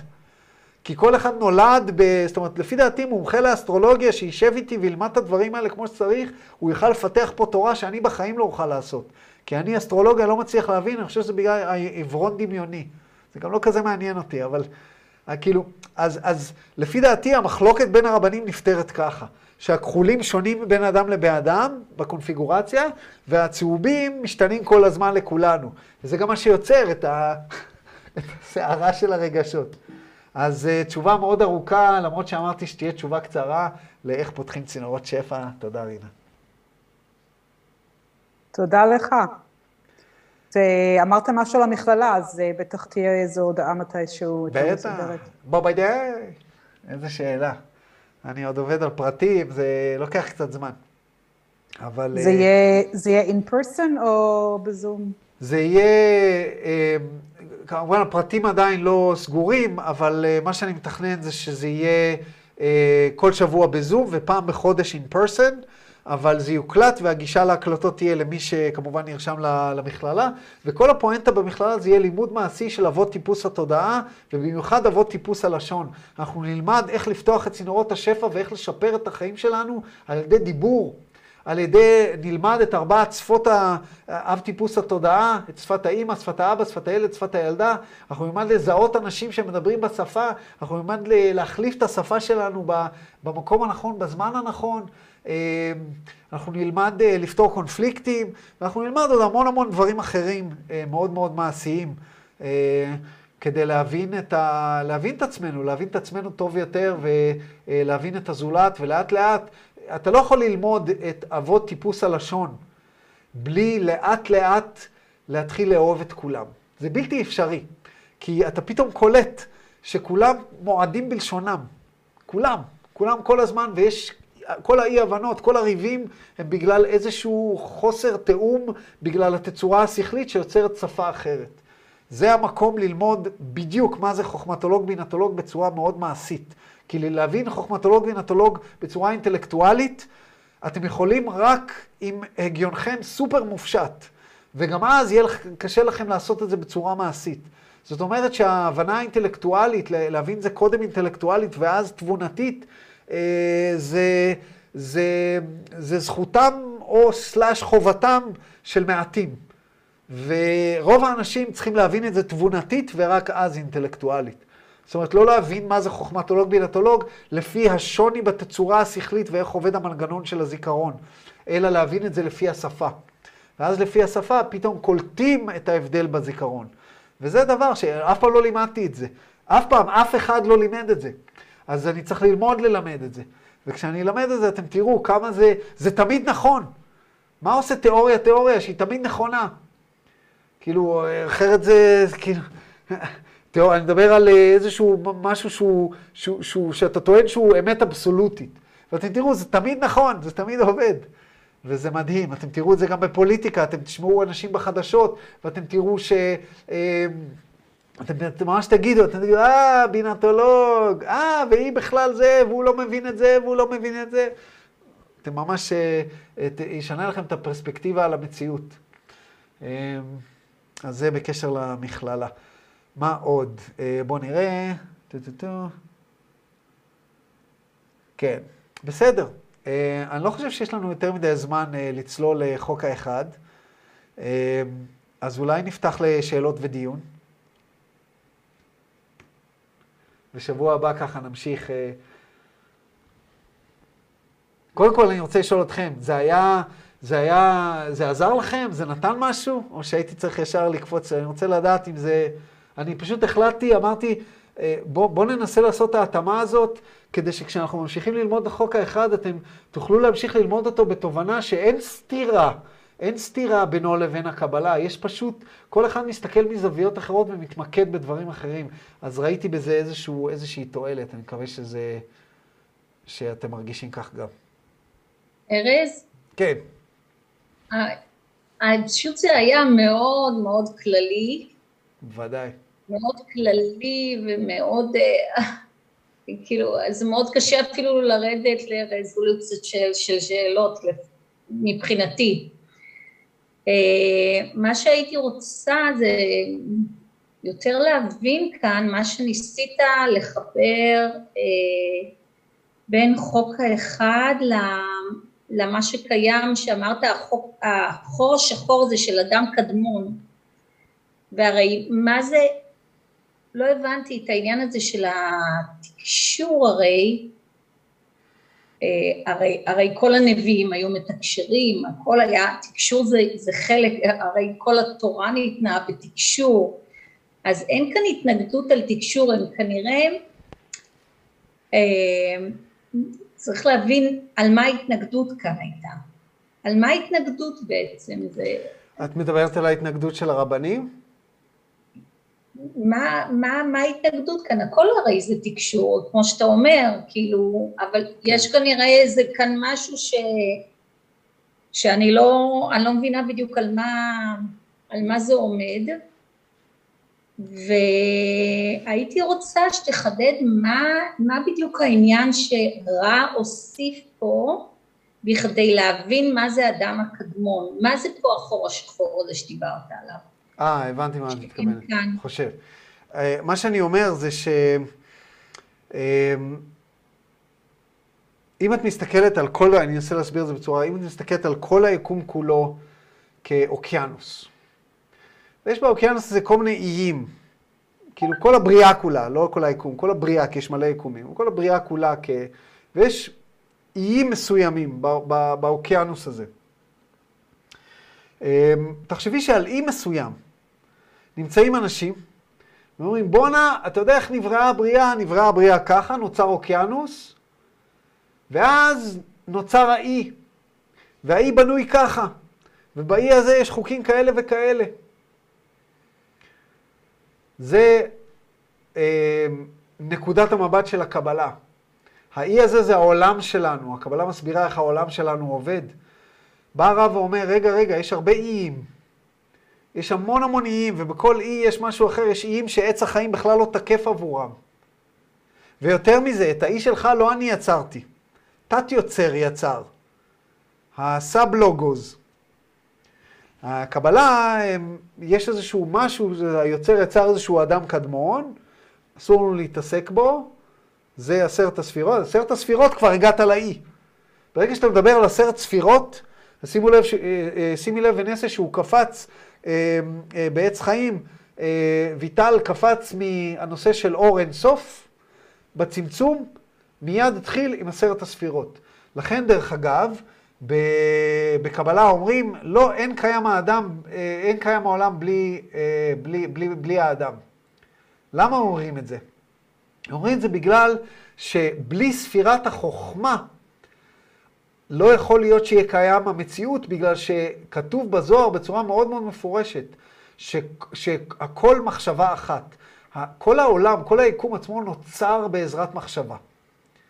אז אם הכל נוצר בעזרת מחשבה, כיוון שרק האדם מסוגל לחשוב, אז המסקנה היא שאין שום עולמות שאין בהם בני אדם. זאת אומרת, לא יכול להיות שלא, שאין אדם. שאין אדם. לא. כי אז היקום לא קיים. אוקיי? Okay? שמעתי בעצמי, יותר מרב אחד אומר את זה. אבל זה המסקנה המתבקשת אם אתה מסיק שעץ החיים הוא, שמחויב, מחויב המציאות שיהיה חוכמה. אבל אז אתה מסתכל על בהמה, עולם שקיים בו רק בהמות. על פי רע יש עולם כזה. על פי היהדות אין. העולם מקיים, האדם מקיים את העולם. כי הוא חושב. אבל אם אתה, אם אתה לא מתייחס רק לעשר ספירות, הרי אם אתה עולה מעל הכתר, לאור אין סוף, ואם אתה יורד מתחת עולם העשייה למדור שהם מכנים את זה מדור הקליפות, שאני לא מבינה למה, כי בעצם אנחנו, מצד תודעה אחרת אנחנו מבינים שמתחת לעולם העשייה יש אין סוף עולמות עוד, מתחת, ואני לא יודעת למה הם הגדירו, למה הקבלה מגדירה את זה כעולם הקליפות, אז יש עוד מימדים שהם לא כלולים, הם לא, הם לא מייחסים אותם לבני אדם. זאת אומרת, כן. כן הקבלה מתייחסת לזה שיש עוד עולמות שקיימים חוץ מאדם. אמ, חד משמעית כן. אבל אני מדבר על, ה, על הבריאה עצמה. אם שוב, תסתכלי, תקראי, את תראי ש... תוכן העשר ספירות אתה מתכוון. מאור אין סוף זה מיד הולך לספירת החוכמה. זאת אומרת, הבריאה כולה מושתתת על, על החוכמה. ולבהמה אין חוכמה. אז עזבי רגע את העולמות שמתחת. בואו לא ניכנס לזה כרגע, כי זה בכלל תיבת פנדורה. כן, התובנה okay. אוקיי. של מה זה קליפות ו... אבל אז בואו בוא נשים את זה בצד, בסדר? כשמדובר ב, ב, ב, ב, בקיום העולם עצמו, זה חייב לעבור דרך אה, ספירת החוכמה. אז לכן ביהדות, האדם מקיים את העולם, בלי, ה, בלי האדם אין עולם. אבל אם אתה אומר שיש סאב לוגוז, אם אתה אומר שיש תת יוצר, שהיוצר האינסופי זה אחד, אבל אז יש עוד יוצר ועוד יוצר ועוד יוצר, ואיזשהו יוצר מסוים יצר את העולם שלנו, אז החוכמה אצלו, אז היה גם תקופה שכדור הארץ היה רק בהמות, ולא היה צריך אדם שיקיים את כדור הארץ. ופה הסתירה בין העולם קיים רק ששת אלפים שנה נפתרת. כי החוכמה הייתה שם תמיד, אבל היא קיימת אצל הלוגוס, לא אצלנו. אתה לא צריך את האדם בשביל זה. גם בלי האדם העולם קיים. זה מאוד מופשט, אבל את מבינה לאן אני הולך עם זה? כן. אז, אז, אז בעצם, בעצם רע ממלא לנו איזושהי קפיצה. זאת אומרת, אני, אני מדמיין את, אה, את חיים ויטל, שכתב את עץ חיים, מתקשר עם רע, אז כמו שרע ענה לדון, קפצת, עשית, את זוכרים בשבוע שעבר, הוא אמר לו, קפצת, רגע, רגע, רגע, קפצת ליקום ה, ליקומים הפיזיים. קרה עוד דבר לפני כן. אותו דבר הוא אומר לו, רגע, רגע, קפצת ליקום, למערכת השמש שלך. יש לפני. מהאור אין סוף, הקו הזה שאתה מדבר עליו, יש, יש בין לבין. יש רבדים, רבדי בריאה. זה מה שאומרים, אני, זה מה ש, שאומרים החלל הפנוי, שבעצם הם גם, גם מתייחסים לזה כשלא לא לגעת בו, כאילו, נכון. אה, לא, לא לשאול בעניין החלל הפנוי. נכון, נכון, וזה בדיוק מה שאני אומר, למה לא לשאול בעניין החלל הזה? למה? כי קודם כל, זה, כל התיאור של החלל הפנוי, זה לפי דעתי צורה מסוימת של אנשים שהגיונם היה מוחשי. רוב המקובלים היו בינטולוגים, הגיונם מוחשי, זאת אומרת, הם לא יכלו להגן בלי תמונות. תצורת שכלם לא אפשרה להם, לא אפשרה להם להגן בלי תמונות. פשוט לא יכלו. יש אנשים כאלה, נולדים אני ככה. חושבת שאולי לא נתנו להם, כנראה שלא נתנו להם להתפתח למקומות אני אחרים. מדבר על תצורה שכלית מולדת. זה עכשיו אני מכניס את אה, משנתי ותורתי?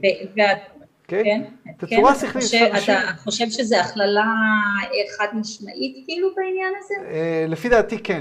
מניסיוני ובמחקר שעשיתי, התיאוריה שכתבתי אומרת שאנחנו, לא- כמו שבן אדם נולד או XX או XY, או XX או XY, בן אדם נולד עם... אה, יש אנשים, לא כולם, אבל יש אנשים שנולד, לא כל הבינטולוגים, אבל יש אחוז מסוים של בינטולוגים, מה שנקרא, זה ספקטרום, בצד הזה שלא מסוגלים להגן בלי תמונות. כי ברגע שאתה אומר להם משפט, ש- ש- שאתה לא יכול לראות בתמונה, עד שאתה מגיע לסופה הם כבר שכחו את התחלתו. זאת אומרת, הזיכרון שלהם מושתת על תמונות.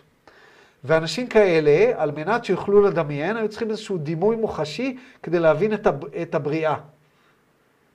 אז, אה, אה, אז בספר עץ חיים, מה הוא עושה? הוא מתאר את זה, הוא אומר, נותן לך איזשהו דימוי מוחשי, הוא אומר לך, "ד- דמיין איזשהו כדור, ואז ממנו הצטמצמה נקודה באמצע, והוא מסביר לך שזה לא מרובע ולא משולש, זה דברים שאתה יכול לדמיין. מסביר לך את זה, אבל מבחינתי, כל הקטע הזה של החלל זה רק דימוי. כי רם מסביר לנו שבכלל לא היה חלל, זה היה רק אנרגיה אינטליגנטית, אין פה חלל. אתה לא צריך, כאילו, זה כאילו בקבלה, ב, ו, ו, ו, כאילו בקבלה, היה איזשהו צורך להסביר איך נוצר חלל, כדי שיהיה אפשר לבנות, ליצור בו משהו. אני בא ואומר, על פי רע, ואני בא ואומר, אין בכלל צורך להסביר את זה. כי אתה לא צריך חלל כדי ליצור משהו, כי אין חומר, זה אשליה. זה עדיין אור, אנחנו רואים את זה כאשליה. אז, ה- אז ההסברים של, ה, של המקובלים, הם היו, הם, הם, הם היו כדי לסבר את האוזן, כדי ש, ש, שיבינו איך זה קרה, א- א- איפה החלל, איפה? איך יכול להיות שנוצר עולם אם לפני כן לא היה חלל? בדיוק מעניין, אה, אומרת שירי, מעניין איך אישה הייתה מתארת את זה. כאילו, זה דימוי, זה דימוי. אבל זה לא, אין צורך בחלל, כי אין חלל, בפועל אין חלל. זה אשליה לגמרי, זה אשליה הולוגרפית. יש רק אור. אין שום דבר חוץ מאור. אור הוא המרכיב היחיד במרק הזה של היקום. כל מה שאתם רואים עכשיו בתמונה, כל ספר מאחוריי, כל מולקולה על הפרצוף שלי, כל זיף בזקני, המים האלה, הכוס הזאת, השלט הזה, הכל זה אור. זה אור דחוס, אנחנו מתרגמים אותו כמשהו מוצק, אנחנו חשים אותו, אתם שומעים את הוויברציה של הקול שלי, אבל זה אור, אין צורך בחלל.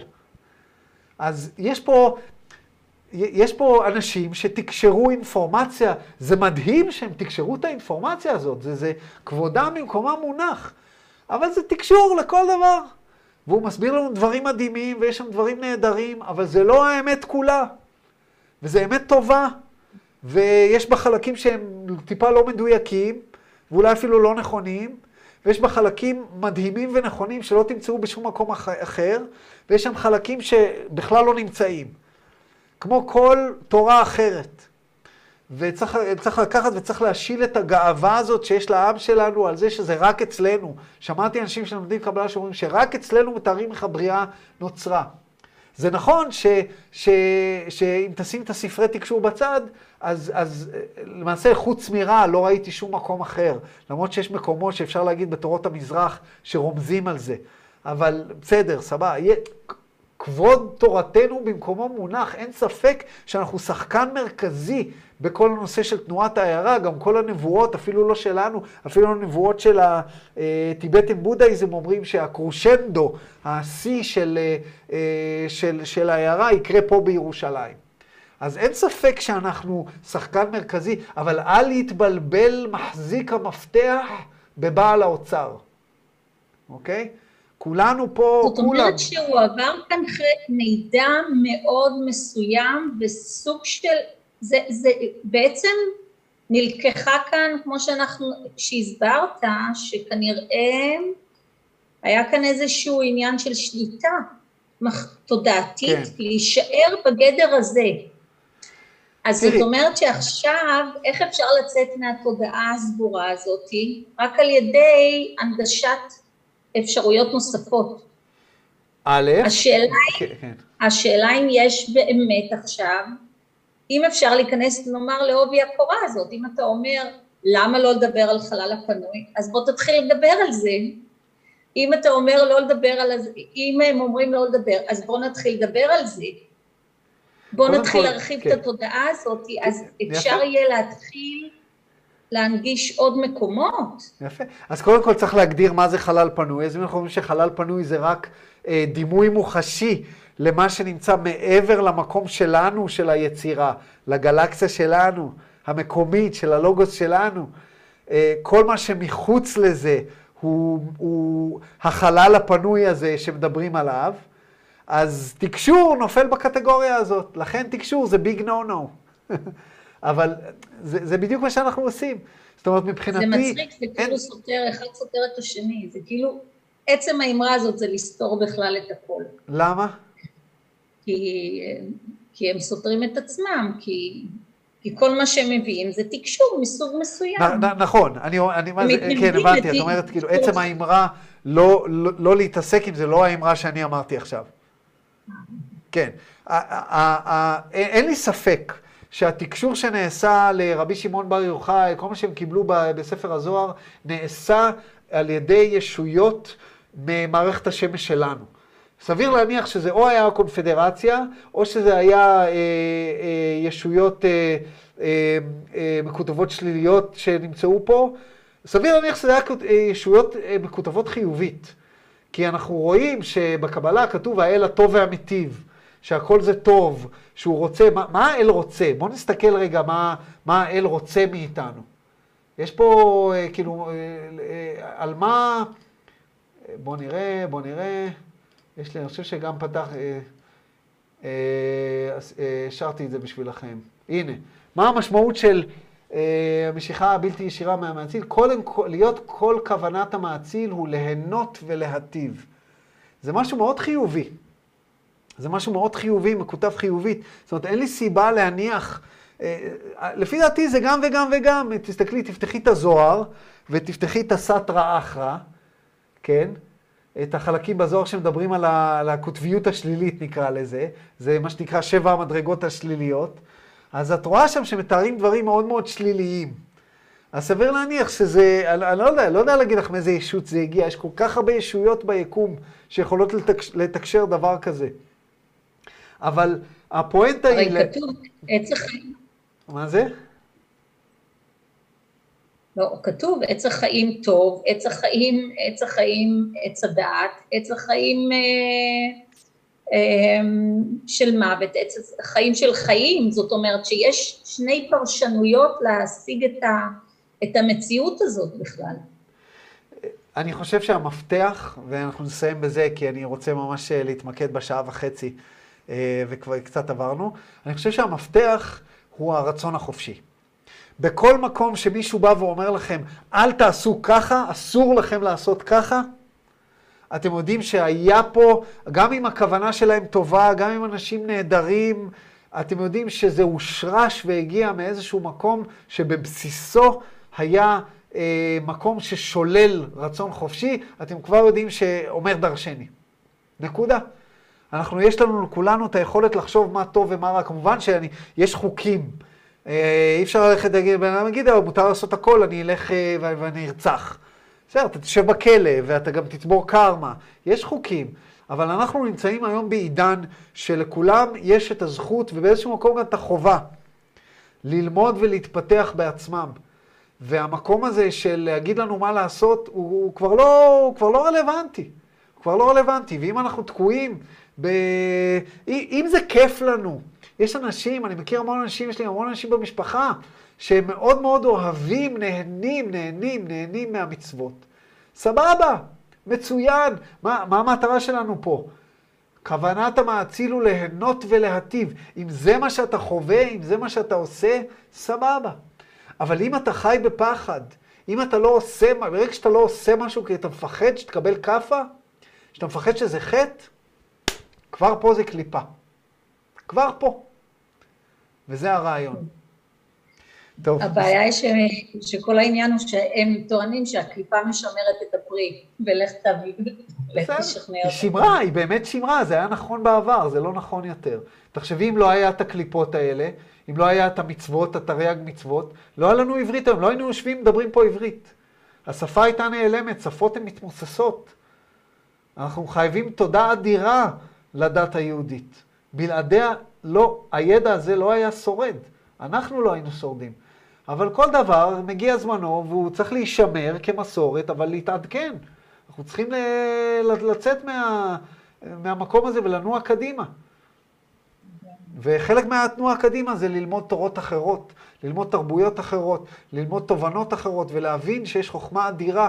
אה, חוכמה שיש ב, אה, בתורת האקולט על, ה, על, ה, על השפה העברית, מה, היא, מטורפת, היא מדהימה. כאילו, כואב הלב, כואב הלב שרבנים לא לומדים את הדבר הזה. זה, זה, זה באיזשהו מקום זה עוול. כך אני חושב לפחות. אבל זה דעתי, זה רק דעתי. יכול להיות שאני אגיע לסוף הגלגול שלי ואני אסתכל ואני אגיד, אה, אני דיברתי שטויות. גם יכול להיות. אבל לא סביר. למה? כי כשאני לומד דברים יותר גדולים, יותר רחבי ממדים, אה, ממה שאני קורא בספרות היהודית, אז אני מקבל גם את האינפורמציה שאני רואה שם, ואני מקבל אישושים לאינפורמציה שאני רואה שם. אבל כשאני קורא ביהדות, כל פעם שאני אה, מנסה להתרחב, אה לא, זה אסור. זה אסור, ויש איזשהו משהו שכאילו, זה כמו מערכת ש, שלמדה לשמר את עצמה. וזה לא עובד, זה לא עובד עבור, עבורי, זה לא עובד. זה אף פעם לא עבד וזה אף פעם לא יעבוד, כי זה לא, אני מחליט בעצמי מה אני עושה. זה, זה הרצון החופשי שלי. וזה לא, זה משהו ש, ש, שאני אף פעם לא אוותר עליו, מתוקף הווייתי של מי שאני, וזה גם תמיד היה ככה, לפני שלמדתי חוק האחד. זה, זה, זה, זה, באישיות שלי, זה תמיד חיפשתי את זה. ויש אנשים שזקוקים שמישהו יגיד להם מה לעשות, זקוקים. זקוקים שיהיה להם, שיהיה להם רב, שהם יוכלו ללכת ולשאול אותו. ויש אנשים כאלה, וזה בסדר, זה רמה מסוימת של התפתחות תודעתית לדעתי. ו- והרמה הזאת היא, כל בן אדם, אתה לא יכול ללכת למישהו ש- אה, שעוד לא למד אה, אה, לשחק כדורסל, ולהגיד לו תעשה צעד וחצי. הוא לא יודע עדיין, הוא עוד לא למד כדרר. אז בסדר, בן אדם עוד לא למד את, בעצמו את ההבדל בין טוב ורע, הוא צריך את הרב שלו. שיבחר את הרב הנכון, מה אני אגיד לו? כאילו, זה הבעיה, זה, הבע... זה בדיוק הבעיה ב... אה, כשלא מלמדים לימודי ליבה, וזה בדיוק הבעיה שאתה קבור בתוך הבועה הזאת, שאתה לא לומד להבדיל בין טוב לרע בעצמך. ואתה לא מפתח, זה, זה skill, זה, זה, זה מתג, זה, זה שריר. אתה לא לומד לעשות את זה, אתה לא עושה את הטעויות. למה אומרים, במקום שבעלי תשובה עומדים, צדיקים גדולים אינם עומדים? כי רק כשאתה חוטף את הכאפה, אתה באמת לומד. ואז אתה עושה את הדברים הנכונים, לא בגלל, אתה נהיה בן אדם טוב, אתה נהיה בן אדם ערכי, אתה נהיה בן אדם אה, איש צדק, אתה נהיה, נהיה איש אמת, לא בגלל שאתה אה, צריך להתנהג ככה וככה וככה, אלא בגלל שלמדת, בגלל שפיתחת את החמלה. הגענו כבר לשעה מאוחרת, אה, ונכשלתי בצמצום הזמן. אבי, רצית לומר משהו? כן, אני אוהב אותך. גם אני אותך. איש טוב אתה. תודה, אבי. אה, שיהיה לכם לילה טוב. אני אוהב אותך, באמת. אה, מקסים אתה. תודה רבה לך, תודה על הכל. בכיף, בכיף.